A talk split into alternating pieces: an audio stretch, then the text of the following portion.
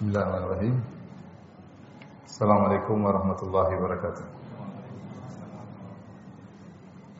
الحمد لله على إحسانه وشكر له على توفيقه وامتنانه أشهد أن لا إله إلا الله وحده لا شريك له تعظيما لشأنه وأشهد أن محمدا عبده ورسوله دا إلى رضوانه اللهم صل عليه وعلى آله وأصحابه وإخوانه Hadirin dan hadirat yang dirahmati oleh Allah Subhanahu wa taala, pada kesempatan ini kita akan membahas tafsir ayatul kursi yaitu ayat ke-255 dari surat Al-Baqarah dan buku yang terbaik membahas tentang ini adalah buku karya Syekh Abdul Razzaq hafizahullah taala dengan judul Ayatul Kursi wa Barahinut Tauhid. Ayatul Kursi dan argumentasi-argumentasi tentang mentauhidkan Allah Subhanahu wa taala. Maka kebanyakan faedah yang akan saya sampaikan dalam kajian kita kali ini adalah bersumber dari buku tersebut karya Syekh Abdul Razak hafizahullah taala. Allah berfirman dalam ayatul kursi, Allahu la ilaha illa huwal hayyul qayyum. Allah lah dialah yang tidak ada yang berhak disembah melainkan Allah al-hayyu al-qayyum yang maha hidup dan yang maha tegak dengan dirinya sendiri dan mengurusi makhluk-makhluknya. La ta'khudhuhu sinatu wala naum. Allah Subhanahu wa taala tidak ditimpa dengan sinah yaitu ngantuk wala naum dan juga tidak tidur. Lahu ma fis samawati ma fil ard. Bagi dialah hanya milik Allah semata lah apa yang di langit dan apa yang di bumi. Man dzalladzi yashfa'u 'indahu illa bi Siapa yang bisa memberi syafaat di sisinya kecuali dengan izin Allah Subhanahu wa taala. Ya'lamu ma baina aydihim wa ma khalfahum. Allah yang mengetahui apa yang di depan mereka dan di belakang mereka. Itu mengetahui apa yang telah terjadi dan apa yang masa depan yang terkait dengan makhluk-makhluknya. Wala yuhituna bi syai'in min ilmihi illa bima Mereka tidak bisa meliputi sedikit pun dari ilmu Allah kecuali yang Allah kehendaki. Wasi'a kursiyuhu samawati wal arda dan kursi Allah Subhanahu wa taala meliputi langit-langit dan juga bumi wala yauduhu hifdhuhuma dan tidak memberatkan bagi Allah untuk menjaga langit dan bumi wa huwal aliyul azim dan dialah Allah yang maha tinggi lagi lagi maha agung. Saya rasa kebanyakan kita telah uh, menghafal ayat ini. Dan ayatul kursi adalah ayat yang teragung dalam Al-Qur'an. Ayat teragung dalam Al-Qur'an. Dalil akan hal ini hadis riwayat Imam Muslim dalam sahihnya dari Ubay bin Ka'ab radhiyallahu anhu Rasulullah SAW pernah berkata kepada beliau Ubay bin Ka'ab, "Ya Abul Munzir, wahai Abul Munzir itu kunyahnya Ubay bin Ka'ab. Atadri ayu ayatin min kitabillahi ma'aka a'zam?" Tahukah engkau ayat apa yang paling agung yang ada padamu yaitu karena Ubay bin Ka'ab hafal Quran. Maka Rasulullah SAW kasih pertanyaan sama Ubay bin Ka'ab, "Ya Abul Munzir, Ayat apa yang bersamamu yang kau hafalkan yang paling agung? Qala qultu Allah wa Rasuluhu a'lam.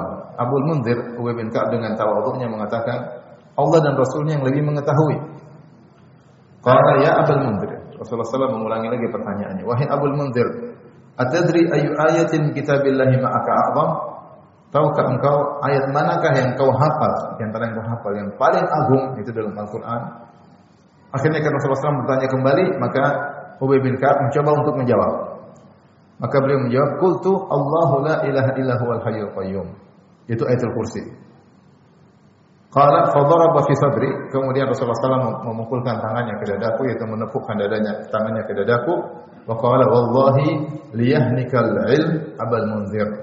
Demi Allah, selamat engkau dengan ilmu ilmu yang ada padamu wahai Abul Munzir, yaitu Allah telah memberikan kau ilmu dan mudahkan ilmu kepadamu sehingga ketika Rasulullah SAW bertanya kepada dia tentang ayat teragung dia bisa jawab dengan jawaban yang yang benar ya.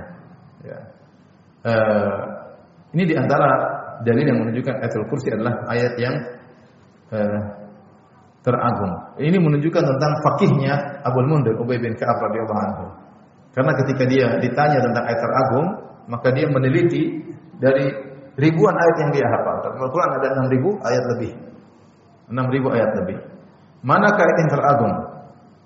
Abul Munzir tahu bahwasanya di antara agungnya sebuah ayat adalah terkait dengan topik ayat tersebut. Tentu dalam Al-Quran banyak topik, ada ayat terkait dengan hukum, ada ayat terkait dengan adab, ada ayat-ayat terkait dengan kisah-kisah uh, seperti itu, ada ayat ayat terkait dengan ujangan tentang hari akhirat, tentang azab dan nikmat surga. Topik dalam Al-Quran banyak ya. Namun Abu Munzir radhiyallahu anhu mengetahui bahwasanya ayat yang terakhir topiknya harus terkait dengan sifat-sifat Allah Subhanahu wa taala, terkait dengan tauhid kepada Allah Subhanahu wa taala. Dan ayat yang spesifik membahas tentang ini secara khusus adalah ayatul kursi. Satu ayat berisi tentang tauhid. Dibuka dengan Allahu la ilaha illa huwa. Allah lah tidak ada yang berhak disembah kecuali Allah semata. Kemudian disebutkan sifat-sifat Allah Al-Hayyul Al-Qayyum yang maha hidup dan maha tegak di atas dirinya dan juga mengurusi yang lainnya. Dan ini uh, adalah dalil tentang ilmunya Ubay bin Ka'ab sehingga Rasulullah SAW mengatakan nikal ilm ya Abul Munzir.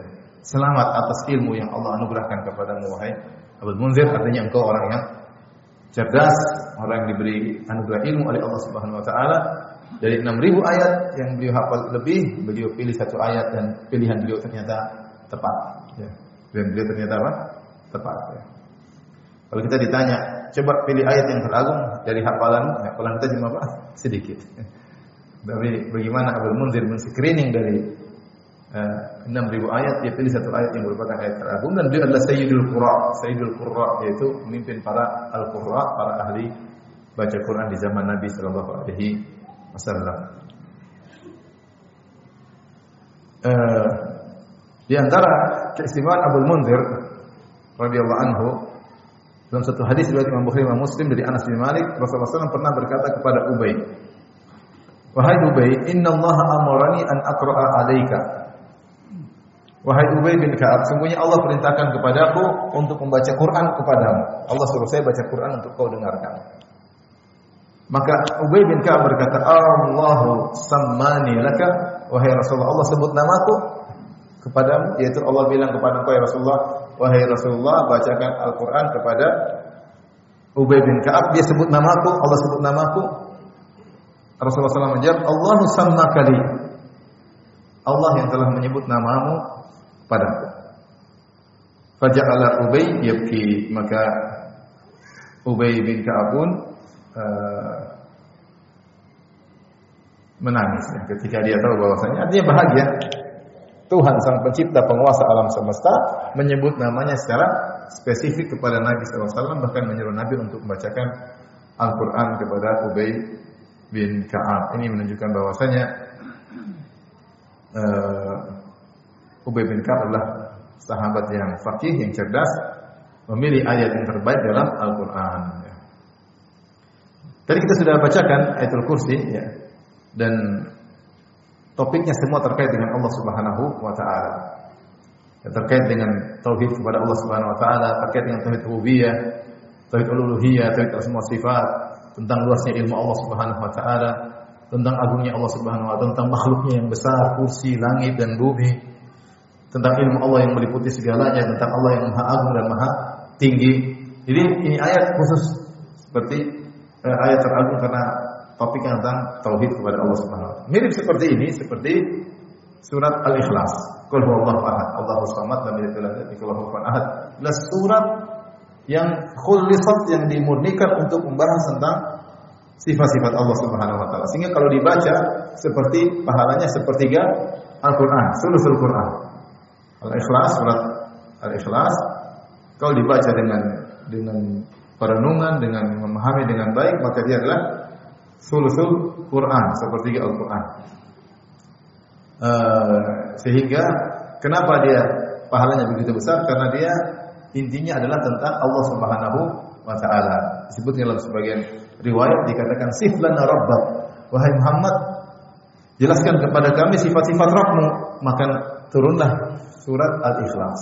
Surat Al-Ikhlas tentang tentang Allah Subhanahu wa taala. Maka karena topiknya terkait tauhid, maka dia menjadi surat yang sangat sangat agung. Nah, di antara agungnya ayatul kursi kita dapati bahwasanya uh, ayat kursi sering dianjurkan untuk dibaca. Syekh Abdul Razak menyebutkan sekitar 8 kali paling tidak sehari kita baca ayatul kursi. Ayatul kursi kita baca dalam sehari 8 kali. Di antaranya misalnya setiap selesai sholat fardu berarti sudah lima kali. Sholat fardu berapa? Lima. Tinggal kali lima berarti lima kali paling tidak kita baca surat baca ayatul kursi. Dalam hadis dari hadis Abu Umamah radhiyallahu taala anhu Rasulullah SAW bersabda Rasulullah SAW bersabda Man qara'a ayatul kursi fi duburi kulli salatin maktubatin lam yamna'hu min dukhulil jannah illa an yamut. Siapa yang baca ayatul kursi di penghujung setiap sholat setelah sholat dia baca ayatul kursi di sholat-sholat fardu ya maka tidak ada yang mencegahnya untuk masuk surga kecuali tinggal meninggal dunia. Artinya kalau dia meninggal dunia dia akan masuk surga. Kalau dia meninggal dunia masuk surga. Ini menunjukkan agungnya uh, surat atau ayat Al-Kursi, ayatul kursi sehingga dianjurkan dibaca setiap kali habis salat dan kalau dia baca dan dia meninggal dia akan masuk surga karena saking agungnya ayat ayat tersebut. Oleh karenanya disebutkan oleh Ibnu Qayyim rahimahullah taala bahwasanya Beliau berkata, "Balaghani an Syekhina Abil Abbas Ibn Taimiyah ma taraktuha aqiba kulli salatin." Ibnu Taimiyah mengatakan, "Aku tidak pernah meninggalkan baca ayatul kursi setiap selesai salat." Jadi kita berusaha untuk habis salat dengan buru-buru kegiatan yang lain, kita zikir dan jangan lupa baca ayatul kursi setiap salat. Jadi ini lima. Ya. Kemudian juga yang keenam dianjurkan baca surat Ayatul Kursi setiap hendak tidur, setiap hendak tidur. Sebagaimana dalam hadis yang panjang dari hadis uh, Abu Hurairah radhiyallahu taala anhu, saya bacakan kisahnya secara ringkas dalam Sahih Bukhari. Abu Hurairah berkata, Rasulullah SAW menugaskan aku untuk menjaga zakat Ramadan. Zakat Ramadan. Itu mungkin beras dan yang lainnya ya, ah, apa korma dan yang lainnya. Fa'atani atin maka datanglah seorang kemudian mulai mengambil makanan tersebut, mencuri. Aku pun menangkapnya dan aku berkata, "Wallahi la arfa'annaka ila Rasulillah." Demi Allah aku akan laporkan engkau kepada Rasulullah sallallahu Maka orang ini berkata, "Ini muhtajun, saya lagi butuh.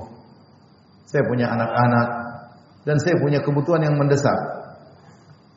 Aku pun melepaskan dia. Ketika di pagi hari, Nabi SAW berkata kepadaku, Wahai Abu Hurairah, Ma fa'ala asiru kalbariha. Apa yang terjadi dengan tawananmu semalam? Rupanya Rasulullah SAW tahu.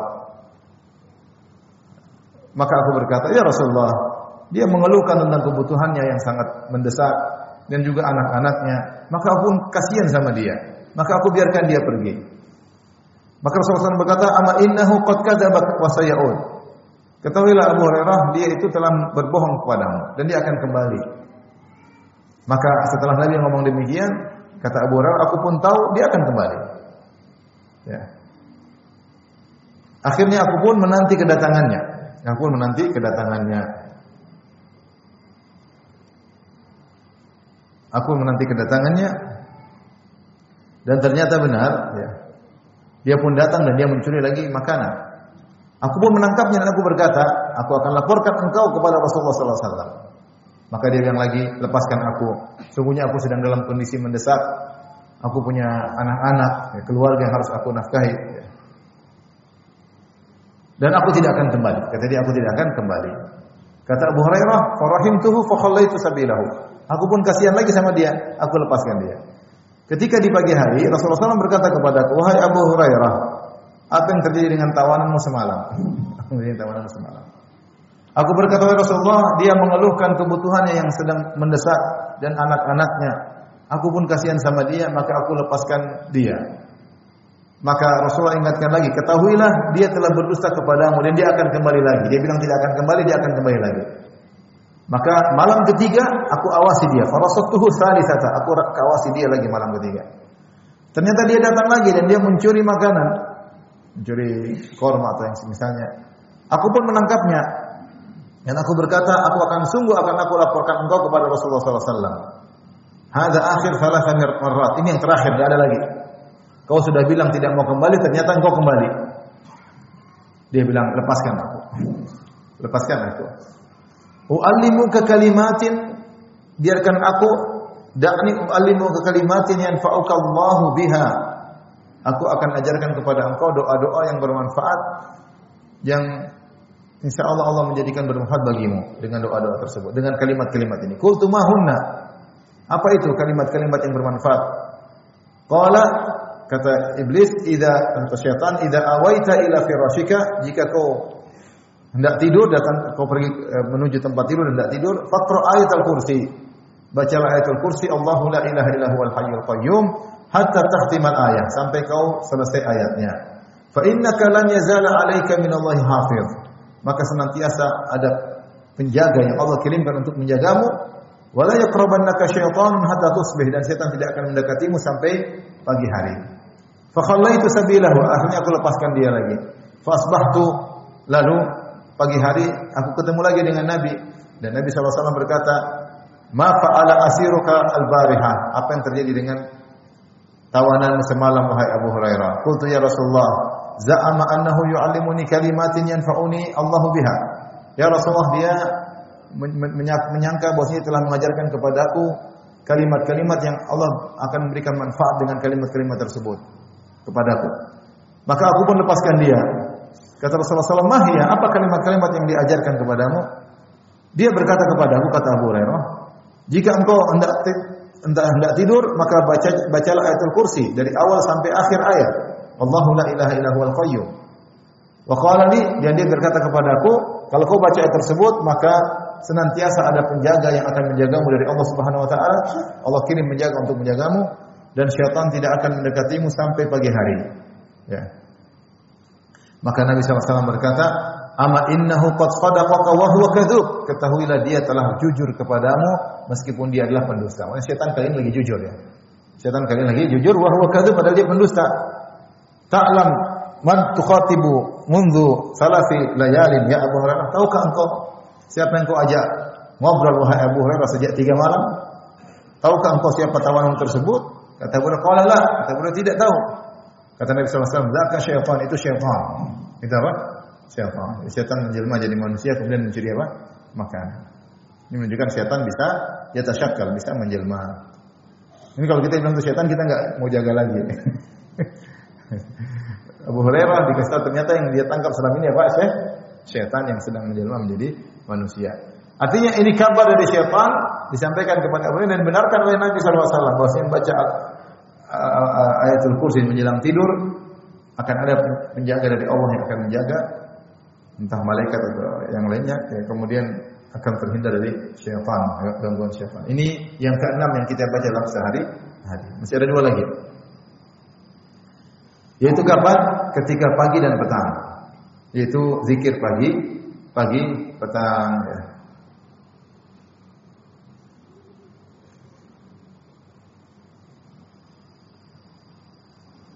Sebenarnya dalam hadis uh, Ubay bin Ka'ab radhiyallahu taala anhu. Hadis Nasa'i dan Tabrani Itu dalam hadis man qala hina yumsi ujiru ujira minna hatta yusbih.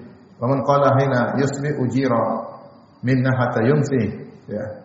Falamma asbaha ata Rasulullah sallallahu alaihi wasallam fadzakara dzalika faqala sadaqal khabith ya. ya.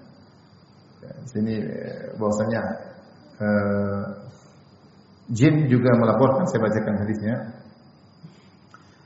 Dari Ubay bin Ka'ab radhiyallahu anhu anhu kana lahu jurun min tamar fa kana yanqusu fa yahfaharasahu zata lailatin fa idha huwa bidaya bi dabatin shabha al-ghulam shibha al-ghulam muhtalim fa sallama alayhi fa radda alayhi salam fa qala ma anta.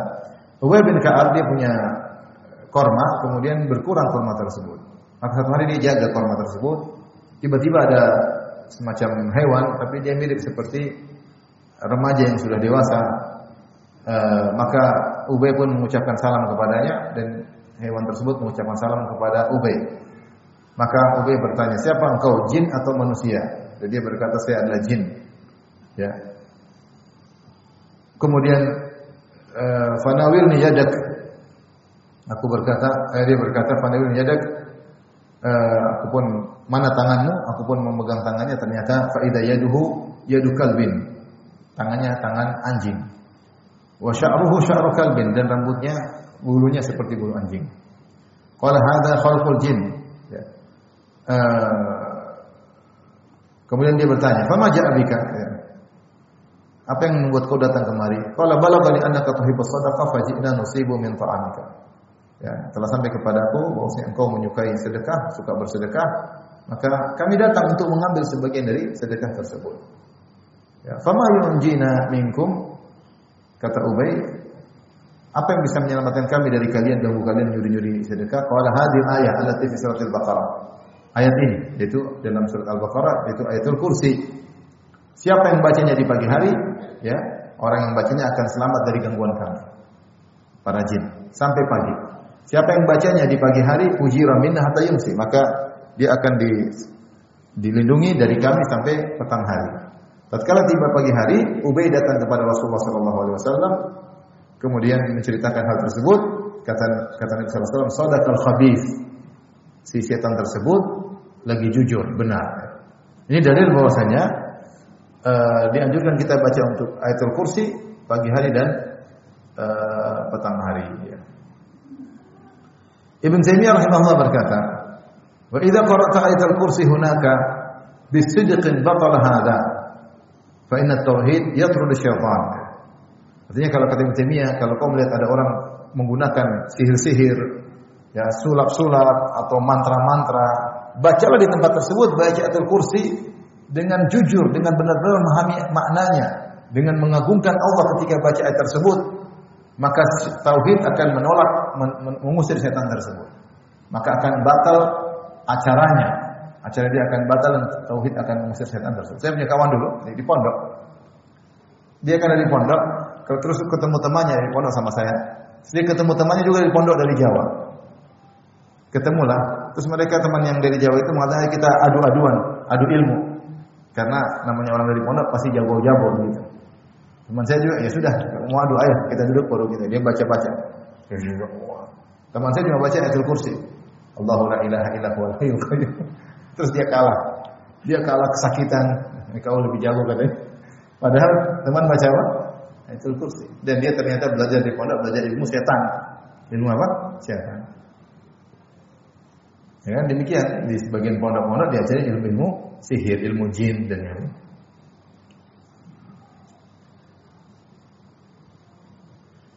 Jadi kata Taimiyah, kalau kita mendapati kondisi seperti itu, sakti mandraguna, baca kursi dengan tulus, maka setannya akan akan kabur. Demikian juga kalau muncul setan di depan kita, maka seorang baca kursi dengan bisidah kata Taimiyah dengan tulus. Fa idza qara'ah tabayyana dzalik aw sakha fil ard aw. Kalau dia baca dengan tulus maka setan tersebut akan hilang atau akan masuk ke dalam tanah atau akan apa namanya sirna, pergi. Ini menunjukkan akan agungnya ayatul kursi. Dan sudah datang dalam tadi dua hadis, hadis Abu Hurairah dan hadis Abu bin Ka'ab, bahwasanya kalau baca kursi, setan tidak berani mendekat atau akan seorang akan dilindungi dari gangguan gangguan syaitan. Jadi kita tahu bahwasanya paling tidak dalam sehari kita dianjurkan baca ayat kursi 8 kali. Apa sih 8 kali kapan saja? 5 hari, 5 kali setelah sholat, terus satu hari yang ke-6 sebelum apa? Tidur, kemudian dua kali pagi dan pagi dan petang. Dengan syarat kita baca dengan menghayati. Bukan sekedar baca. Baca mungkin sekedar baca tetap ada faedah, tapi beda ketika seorang baca dengan apa? Dengan tulus, dengan benar. Yang menakjubkan ini ini nyata saya pernah bersama Ustaz Abu Sa'ad uh, rahimahullahu taala, beliau meruqyah seorang yang kerasukan jin. Ternyata ketika tanya, kok bisa kau kerasukan jin? Dia bilang, saya baca ayat kursi sehari tujuh ribu kali nggak masalah. Saya lupa tujuh ratus tujuh ribu kali. Setelah baca ayat kursi, akhirnya saya kerasukan apa? Jin. Artinya dia mau sakti. Dia mau sakti baca ayat kursi berapa kali? Tujuh ribu kali atau tujuh ratus kali dalam sehari. Ini contoh baca ayat kursi dengan salah niat. Niatnya untuk jadi sakti. Malah kemasukan apa? Syaitan. Bukan setan menjauh, tapi malah setan mendekat. Kenapa? Karena dia niat baca kursi dengan niat yang yang salah. Dengan yang salah. Ini ini saya kenyataan. Artinya saya langsung menghadapi orang tersebut. Pernah juga saya ngerukyah salah seorang teman, kawan. Kawan sekarang Masya Allah sudah menjadi pejuang tauhid luar biasa Masya Allah. Saya tidak mau sebut namanya, tapi saya rukyah dia. Kemudian dia kepanasan. Kepanasan. Saya bilang, kenapa kau begini? Dia bilang, saya dulu, zaman dulu, saya sering baca surat Yusuf. Dengan tujuan agar orang memandang saya kelihatan tampan. Supaya orang-orang tertarik dengan saya, wanita tertarik dengan saya. Justru dia malah kemasukan jin ketika dia membaca surat Yusuf dengan niat yang salah. Niatnya supaya menjadi tam, kelihatan tampan.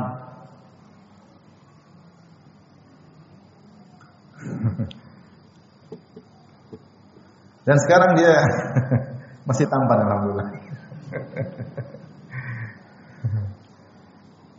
Tapi masya Allah jadi apa namanya pejuang tauhid ya. Sampai saya ketemu dia cerita, saya saat saya pergi makan satu restoran, kemudian ada raja-raja. Saya minta izin sama, saya mau ketemu sama ownernya. Saya mau saya dakwahi. Saya bilang bu ini begini ada manfaatnya bu. Saya cabutin semuanya. Minta izin terus dicabut. Masya Allah saya aja nggak begitu katanya. Tapi maksud saya, ayatul kursi sangat bermanfaat ketika kita membaca dengan penghayatan. Bahwasanya Allah Subhanahu wa taala yang Maha Kuasa, yang Maha Tinggi, yang Maha Hebat, yang Maha segalanya, ilmunya segalanya, kita hanya makhluk yang hina, yang rendah. Maka ketika kita membaca dengan mengagungkan tauhid dengan penuh keikhlasan, menjauhkan diri kita dari segala bentuk ketergantungan kepada makhluk, saat itulah ayat kursi menjadi fungsi sangat hebat maka setan tidak akan mendekat. Kalau setan depan kita dia akan kabur, dia akan kabur. Cuma kalau kita baca asal-asalan mungkin bermanfaat mungkin enggak. Atau kalau manfaatnya tidak kuat. Tidak kuat. Dan jangan sampai kita baca dengan niat yang yang salah, dengan niat yang yang salah. Jadi kalau habis sholat jangan buru-buru. Habis zikir baca ayatul kursi. Baik. Ikhwan Fatih Rahmatillah Subhanahu wa taala, kita akan bahas uh,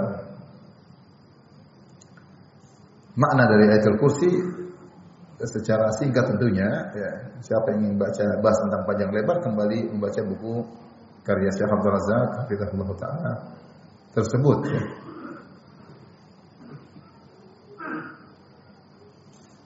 Baik, yang pertama Allah Subhanahu wa taala berfirman, Allahu la ilaha illa huwal hayyul qayyum.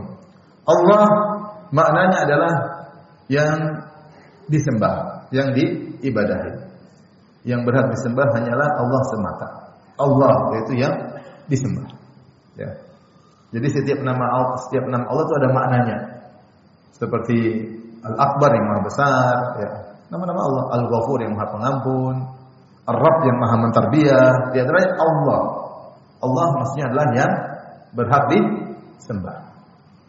Setelah itu Allah mengatakan Allahu la ilaha illa huwal hayyul qayyum. Dialah Allah, Allah kuatkan makna Allah. Allahu la ilaha illa huwal hayyul qayyum, tidak ada yang berhak disembah kecuali hanya Dia. Allahu la ilaha illa huwa. Tidak yang berhak disembah kecuali Allah. Jadi la ilaha illa huwa menguatkan makna Allah. Karena Allah sendiri yang disembah dan tidak ada yang disembah kecuali Allah Subhanahu wa taala. La ilaha yaitu la ma'budah bihaqqin illa Allah. Tidak ada yang berhak disembah kecuali Ini saya sudah bahas panjang lebar dalam syarah kitab tauhid tentang makna la ilaha illallah. Yang ilah artinya tidak ada sembahan. Itu tidak ada makhluk.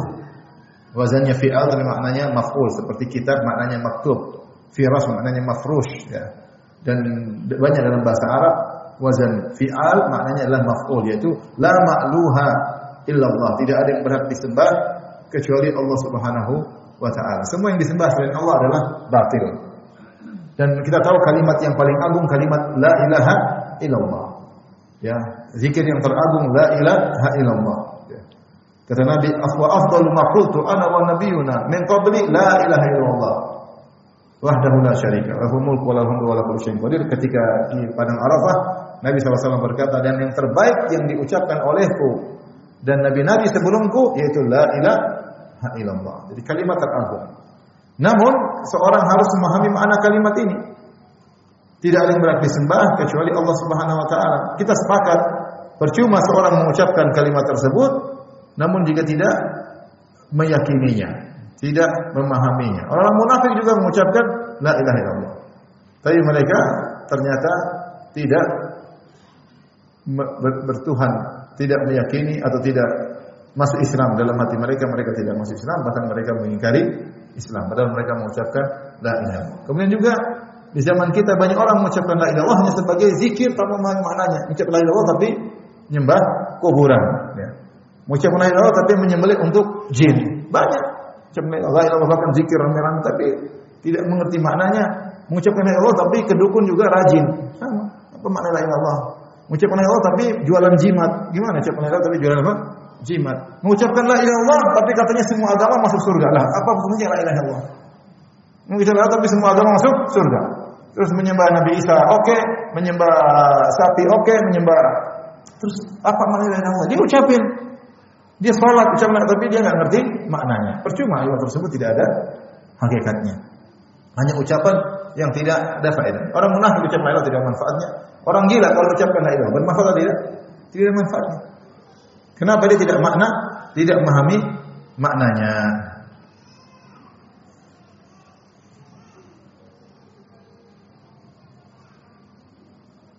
Baik, ini pembahasan panjang tapi uh, kita sudah bahas dalam kitab Tauhid kita tidak mengulangi lagi. Kemudian Allah mengatakan Allahu la ilaha illa hu. Dialah Allah yang disembah tidak berhak disembah kecuali Dia. Setelah Allah menegaskan kenapa hanya Allah yang berhak disembah. Maka Allah jelaskan tentang asma sifat dan rububiyahnya. Kenapa hanya Allah yang berhak disembah? Karena dia adalah Al-Hayyu dan dia adalah Al-Qayyum.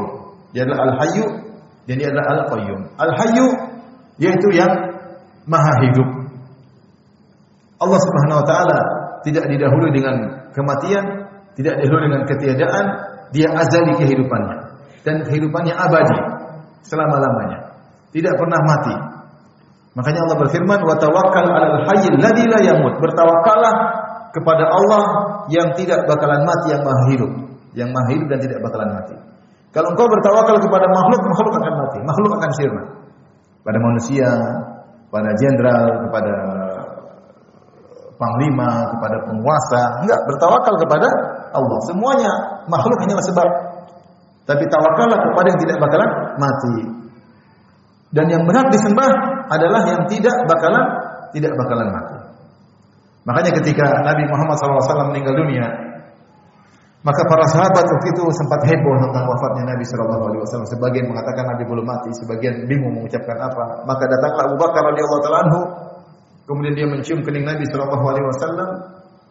Dia mengatakan tibta hayyan wa mayyitan, sebenarnya Rasulullah engkau ketika masih hidup engkau sangat baik dan ketika meninggal pun demikian. Kemudian dia pun berjalan radhiyallahu anhu menuju para sahabat, kemudian dia berkata, ala man kana ya'budu Muhammadan fa inna Muhammadan qad mat. Ketahuilah siapa yang menyembah Muhammad, Muhammad telah mati. Wa man kana ya'budu Allah fa inna Allah hayyun la yamut. Siapa yang menyembah Allah, maka Allah adalah maha hidup dan tidak bakalan mati. Yang berat disembah yang maha hidup. Kemudian aneh orang pergi ke kuburan sudah mati malah disembah. Yang lebih aneh lagi menyembah benda mati yang tidak pernah hidup sebelumnya. Menyembah batu, menyembah pohon, menyembah hewan, Subhanallah. Yang berhak disembah hanyalah Al-Hayyu. Yang berhak kita tundukkan kerendahan diri kita. Yang benar kita tunjukkan kehinaan diri kita hanya kepada Al-Hayyu yang Maha Hidup, bukan kepada mayat yang sudah berada di bawah tanah, bukan kepada mayat. Tapi yang Maha Maha. Dan Al-Qayyum, kemudian kata Allah Al-Qayyum. Al-Qayyum yaitu Al-Qa'im bi nafsihi al-muqim li khalqihi. Yang maha tegak kiamuh binafsi dengan dirinya tidak butuh kepada yang lainnya. Allahu ghani Allah yang maha kaya tidak butuh dengan yang lainnya. Kemudian yang lainnya membutuhkannya. Tidak ada yang bisa tegak kecuali kalau ditegakkan oleh Allah. Itu namanya al-qayyum dia sendiri maha tegak dan dia menegakkan yang lainnya al-muqim li ghairihi yang lainnya tidak bisa tegak kecuali ditegakkan oleh Allah Subhanahu wa taala Allah berfirman, "Ya ayuhan nasu antumul fuqara'u ila Allah wallahu wal ghaniyyul hamid." Wahai manusia kalian kalian adalah fakir kepada Allah dan Allah Maha Kaya dan Maha Terpuji. Semuanya butuh kepada Allah, manusia, jin, malaikat, langit, bumi, semua makhluk ciptaan Allah butuh kepada Allah. Kalau Allah tidak menegakkan mereka, mereka tidak bakalan tegak. Ya. Langit kalau tidak dijaga akan hancur. Bumi kalau tidak dijaga oleh Allah akan apa? Akan hancur. Bintang kalau tidak dijaga akan tabrakan. Semua manusia kalau tidak dijaga maka selesai. Tidak ada yang ngurusin mereka, tidak bisa ngatur urusan. Hewan-hewan pun demikian. Semuanya butuh kepada Allah kata Allah, antumul fuqara, kalian fakir kepada Allah. Allah huwal ghaniyyul hamid. Dan Allah Subhanahu wa taala adalah Maha Kaya dan Maha terpuji.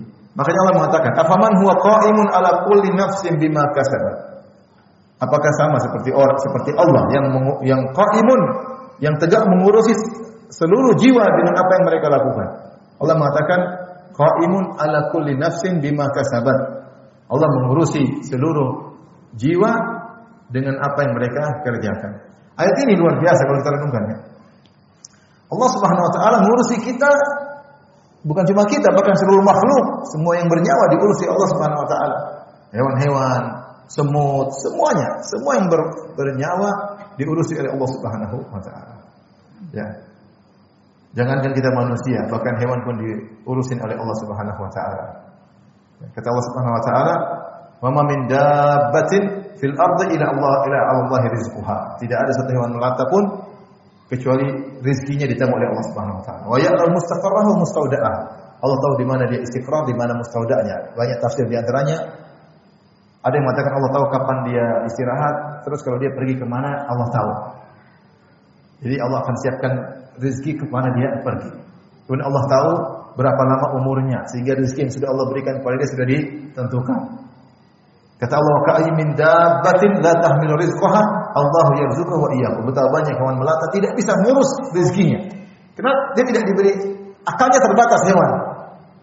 Tapi Allah yang ngurus, kata Allah, "Wa ka'ayyin min dabbatin la tahmilu rizqaha." Betapa banyak hewan melata tidak bisa mengatur rezekinya, Allah yarzuquha, Allah yang beri rezeki padanya.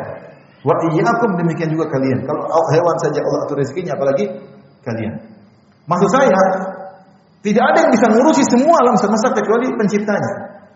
Dan kita manusia diurusi oleh Allah Subhanahu wa taala dengan uh, apa namanya? diurusi oleh Allah Subhanahu wa taala dengan person-person bukan secara global.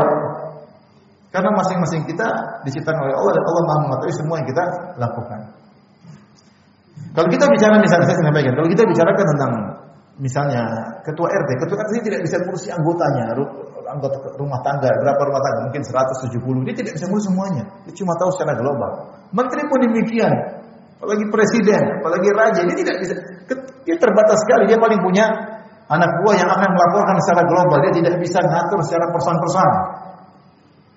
Makanya kalau mau ngadu kepada raja, nggak bisa langsung. Kita tidak dikenal dengan raja, lewat ini, lewat anu, lewat ini, baru sampai kepada raja. Allah enggak, Allah ngurusi kita persoalan-persoalan satu persatu. Seorang berdoa di penghujung malam di tempat yang tidak ada orang kecuali dia. Allah dengar doanya dan Allah kabulkan. Itu banyak terjadi. Menunjukkan Allah ngurusin kita person demi person, satu persatu. Bukan ngurus secara global, Allah ngurus satu persatu. Sejauh mana ketergantungan kita kepada Allah Subhanahu wa taala. Makanya Allah Al-Qayyum yang Maha mengurusi makhluknya. Dia yang menciptakan, dia yang mengurusi. Secara global dan secara person-person Allah urusin kita. Maka ketika kita, kita tahu Allah mengurusi ala kulli nafsin kata Allah, apa man huwa qa'imun ala kulli nafsin? Apakah yang mengurusi setiap jiwa? Ini Allah urusin satu persatu. Kita jangan seuzon sama Allah. Ya Allah mungkin enggak dengar saya ngomong. Saya ini siapa sih? Mau saya bisik-bisik gini Allah dengar enggak? Allah ngurusin kita satu demi satu. Orang tua kita saja nggak bisa ngurusin kita satu demi satu. Mungkin dia bingung, mungkin ada kesibukan. Kita mau ngomong nggak sempat. Tapi kita diurus oleh Allah setiap saat. Maka kita punya Allah, tawakal kepada Allah yang maha hidup, yang maha mengurusi. Salah kalau kita bertawakal kepada makhluk salah. Salah. Allah Subhanahu wa taala maha maha hidup. Kata Allah wa tawakkal al hayyil ladzi la yamut. Bertawakal kepada Allah yang maha hidup. Kemudian dalam ayat lain kata Allah qul huwar rahmanu amanna bihi wa alaihi tawakkalna. Katakanlah dialah Ar-Rahman yang maha penyayang. Aman Nabi kami beriman kepadanya wa alaihi tawakkalna kami bertawakal kepada Allah. Salah kalau kamu bertawakal kepada selain Allah. Yang lebih sayang kepada kamu Allah. Dialah Ar-Rahman yang maha penyayang. Salah kalau kita tawakal sama selain Allah. Ngapain tawakal sama selain Allah? Yang sayang sama kamu Allah Subhanahu wa taala. Lebih sayang kepada kamu dari ibumu terhadap dirimu. Tawakal kepada ibu salah. Tawakal sama Allah Subhanahu wa taala. Nanti Allah yang bikin orang tua kita sayang sama kita, Allah yang bikin bos kita perhatian sama kita, Allah yang bikin orang-orang pengen beli belanjaan kita, dagangan kita. Tawakalnya sama siapa? Allah. Dia Ar-Rahman yang Maha Penyayang. Yang salah kita di sini tidak bertawakal kepada Allah. Mungkin kita merasa nggak diurusin, mungkin kita merasa tidak disayang, mungkin tidak diperhatikan. Itu kalau itu kalau raja, itu kalau presiden, itu kalau menteri. Mana perhatian kita? Kenal aja enggak? Tapi ini Allah yang menciptakan ke Anda, yang mengkreat Anda, yang menentukan bentuk Anda seperti ini Allah Subhanahu wa taala dalam janin ketika dalam perut ibu. Maka dialah yang maha mengurusi secara detail satu demi satu. Dari situ hendaknya kepadanya lah kita bertawakal. Nah, kedua nama ini Al-Hayyu Al-Qayyum adalah jadi Al-Hayyu Al-Qayyum ketika Allah berdalil dialah Allah la ilaha illahu dialah Allah yang tidak berhak berhak disembah kecuali Allah kemudian Allah menyebutkan dua nama nama apa Al-Hayyu Al-Qayyum karena Allah ada Al-Hayyu dan Al-Qayyum maka dialah Allah yang berhak disembah tidak ada zat yang Al-Hayyu dan Al-Qayyum. Seandainya ada zat lain yang Al-Hayyu Al-Qayyum juga berhak disembah, namun tidak ada. Semua tidak ada. Dialah Allah Al-Hayyu Al-Qayyum. Makanya kata para ulama, Al-Hayyu Maha Hidup itu adalah semua muara dari sifat-sifat zatiyah Allah, muara sifat-sifat zatiyah. Karena Allah Maha Hidup, maka Dia Maha melihat, Maha mendengar, Maha berilmu, Maha mengetahui, Maha berkehendak, maha kaya karena dia adalah al-hayyu. Paham? Semua sifat-sifat zatiyah itu sifat-sifat terkait dengan zat Allah adalah konsekuensi dari al-hayyu.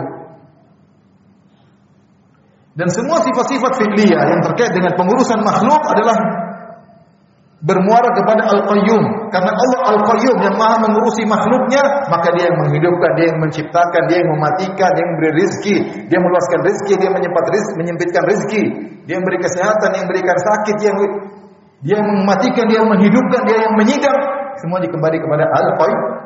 Al-Qayyum.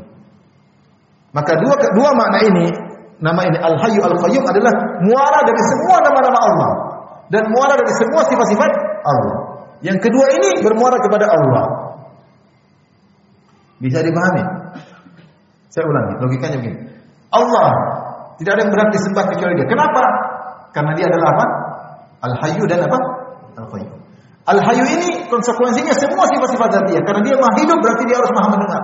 Kalau dia nggak maha mendengar, dia nggak hidupnya nggak sempurna. Karena itu dia maha melihat. Kalau dia tidak tidak sempurna penglihatannya, dia tidak maha hidup. Kehidupannya abadi dengan secara zatnya, maka dia maha hidup. Hidup yang sempurna. Semua sifat-sifat zatiyah, maha berilmu, maha mengetahui, maha berkehendak. Semuanya kembali kepada kudrah, semua kembali kepada Al-Hayy. Semua sifat-sifat fi'liyah, sifat-sifat itu sifat yang terkait dengan kehendak Allah, terkait dengan makhluk-makhluknya. Allah menghidupkan, Allah mematikan, Allah berizki, Allah menyipatkan, menyipatkan rizki. Ya. Allah membangkitkan, Allah menyidang. Semuanya ini kembali kepada Al-Qayyum yang maha mengurusi makhluknya. Dari sini tahu kenapa ayat ini adalah ayat yang teragung. Al-Hayyu Al-Qayyum. Kemudian kita lanjutkan Allah berfirman, "La ta'khudhuhu sinatun wala naum." Allah Subhanahu wa taala tidak ditimpa dengan sina. Sina adalah ngantuk, wala naum dan juga tidak tidur. Karena kalau Allah Maha hidup, ini terkait dengan dua-duanya. Allah Maha hidup dan Maha mengurusi. Kalau Allah Maha hidup berarti kehidupannya sempurna. Kalau kehidupan sempurna harusnya Allah Maha kuasa tidak pernah lelah. Dan namanya tidur dan ngantuk adalah akibat dari kelelahan, ya tidak? Kalau tidur dan ngantuk maka apa? Akibat. Maka kalau lelah baru kita ngantuk. Kalau ngantuk terus tidur. Kalau kita nggak lelah kita nggak bakalan ngantuk. Ya. Makanya penghuni surga tidak tidur. Karena Allah berikan mereka kenikmatan dan mereka tidak pernah lelah. La yamasrum fiha nasabun. Ya. Ya. Mereka tidak ditimpa dengan keletihan. Ya. Sehingga mereka tidak tidak tidur. Karena kalau mereka tidur berarti nikmat lagi off. Lagi diajak makan mengantuk. Eh makan mengantuk. Di surga nggak ada orang ngantuk ya. Lagi diajak bidadari main-main katanya aduh ngantuk, Mbak bidadari nanti aja deh. Habis, habis. Ngantuk enggak? Enggak ada ngantuk, ada tidur.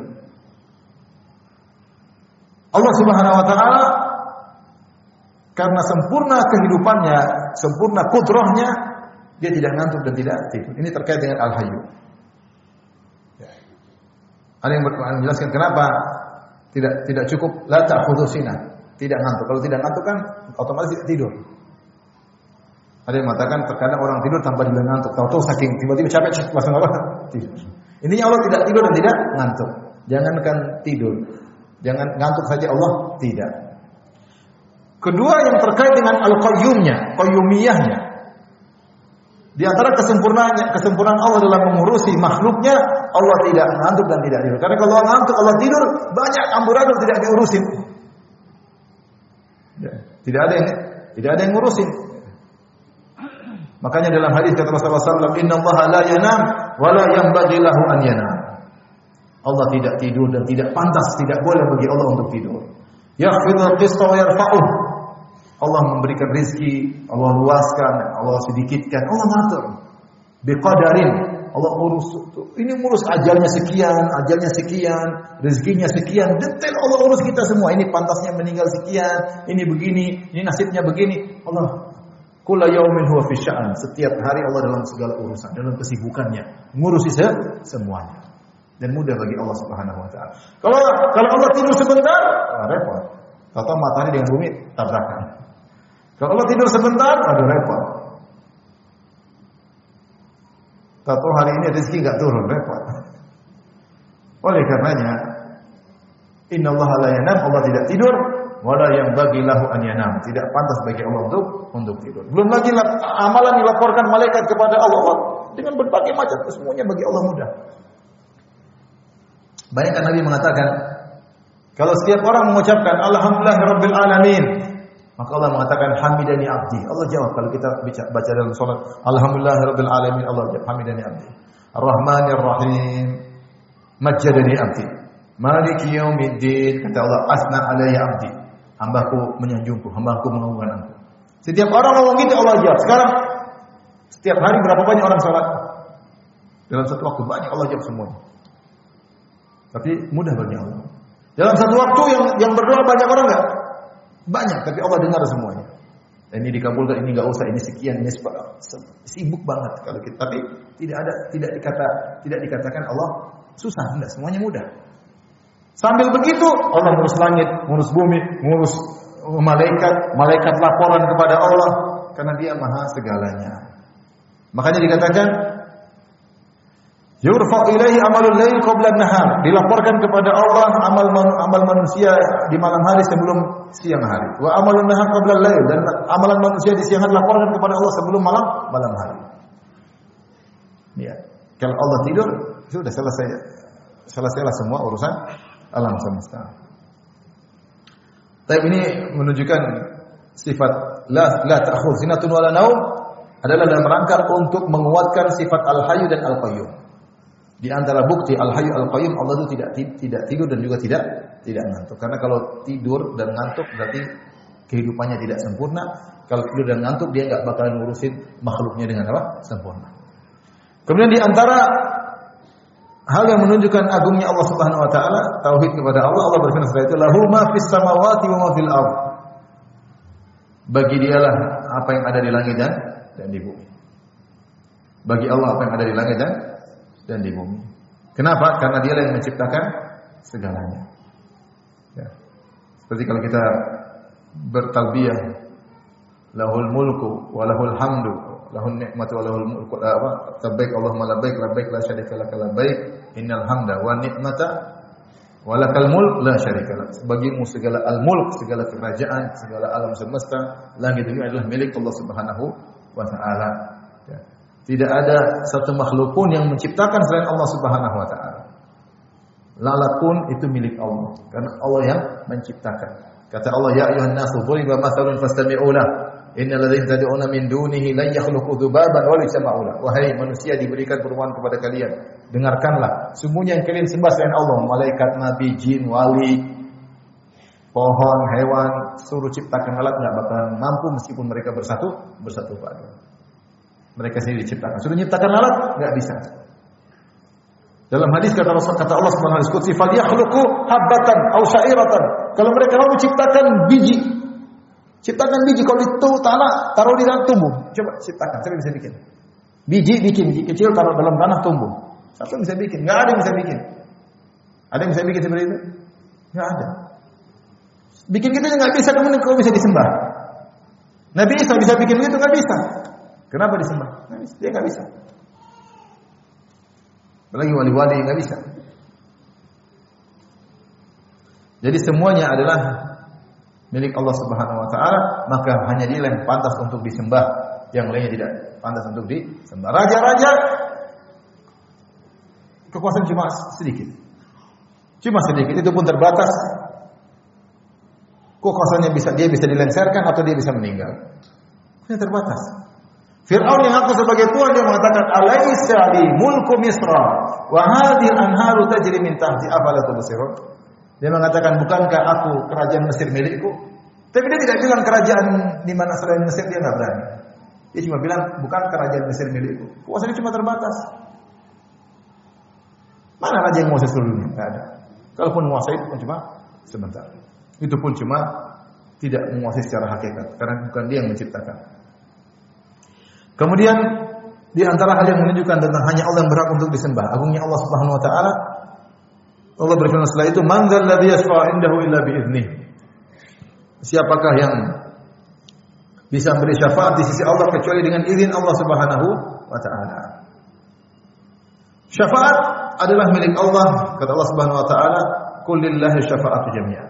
Syafaat semuanya milik Allah Subhanahu wa taala. Di hari kiamat kelak Allah memuliakan sebagian makhluknya untuk memberi syafaat kepada yang lain. Allah berikan pula kepada malaikat syafaatil malaika kata Nabi malaikat beri syafaat. Syafaatil al-anbiya para nabi beri syafaat. Wa syafaatil mu'minun kaum mukmin juga beri syafaat.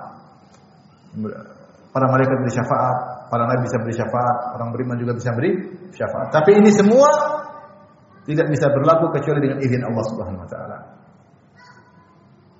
izin Allah kepada pemberi syafaat, izin Allah kepada yang diberi syafaat, dan izin Allah kapan waktu memberi apa? Syafaat. Dan Allah tidak mungkin beri izin kepada kecuali kepada orang yang bertauhid. Allah tidak memberi izin kecuali yang berta, bertauhid. Kalau seorang berbuat syirik nggak bakalan dapat apa? Syafaat. Nggak bakalan. Gimana mendapat syafaat dengan minta-minta kepada penghuni kubur? Gimana mendapat syafaat nanti? Yang akan dapat. Gimana mendapat syafaat? Oh saya mau dapat syafaat wali fulan. Kenapa? Dia meyakini wali fulan nanti kalau di akhirat bisa keluarin orang dari neraka. Dia termasuk dia bebas mau pilih siapa saja. Makanya saya minta sama dia, jangan lupa Pak Wali, kalau di, saya di neraka tolong keluarin saya. Dari mana seperti itu? Orang sufi sekarang yang dulu kita baca dalam buku-buku ngeri-ngeri mereka keyakinan kayak gini, keyakinan gitu. Dulu saya pikir dongeng aja. Tapi dengan ada YouTube ternyata benar. Ini keyakinan gini, keyakinan gini, keyakinan ngeri-ngeri. Di luar nalar. Benar kata Imam Syafi'i, siapa yang belajar sufi di sore hari sebelum siang sudah pandir.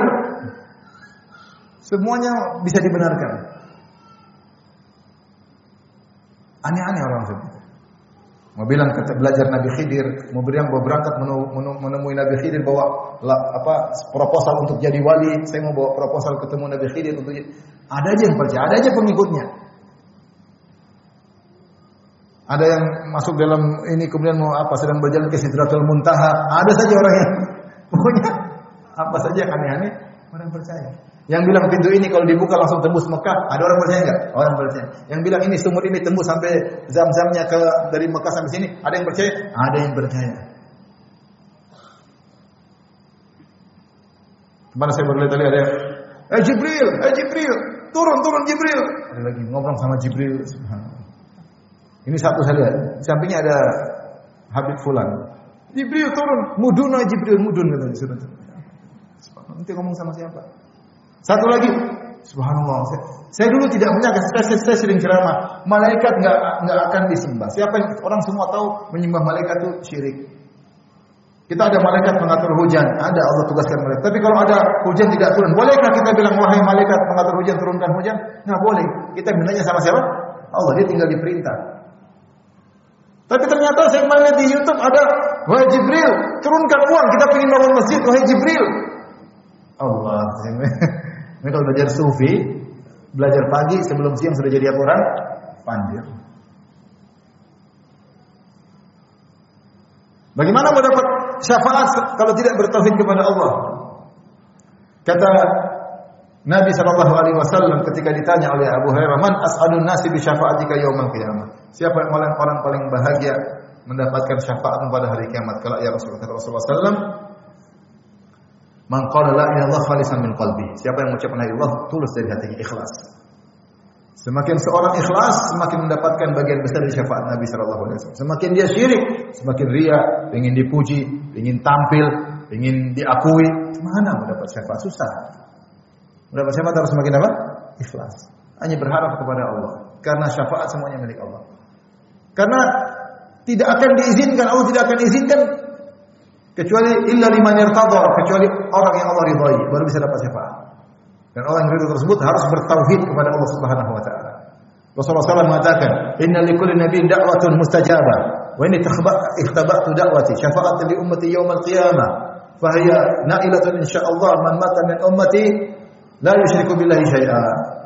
Setiap nabi ada doanya pasti dikabulkan. Ada doa yang khusus untukku aku aku simpan untuk hari kiamat. Doa tersebut akan menjadi syafaat bagi umatku, akan mengenai seluruh umatku yang meninggal tidak berbuat syirik sama sekali kepada Allah Subhanahu wa taala. Ini dalil bahwasanya orang yang tidak berbuat syirik pasti mendapatkan syafaat Rasulullah sallallahu alaihi wasallam. Baik, waktu sudah habis. Insyaallah kita lanjutkan berikutnya insyaallah tentang ayatul kursi. Subhanakallah bihamdik asyhadu an la ilaha illa anta astaghfiruka wa atubu ilaik. Assalamualaikum warahmatullahi wabarakatuh.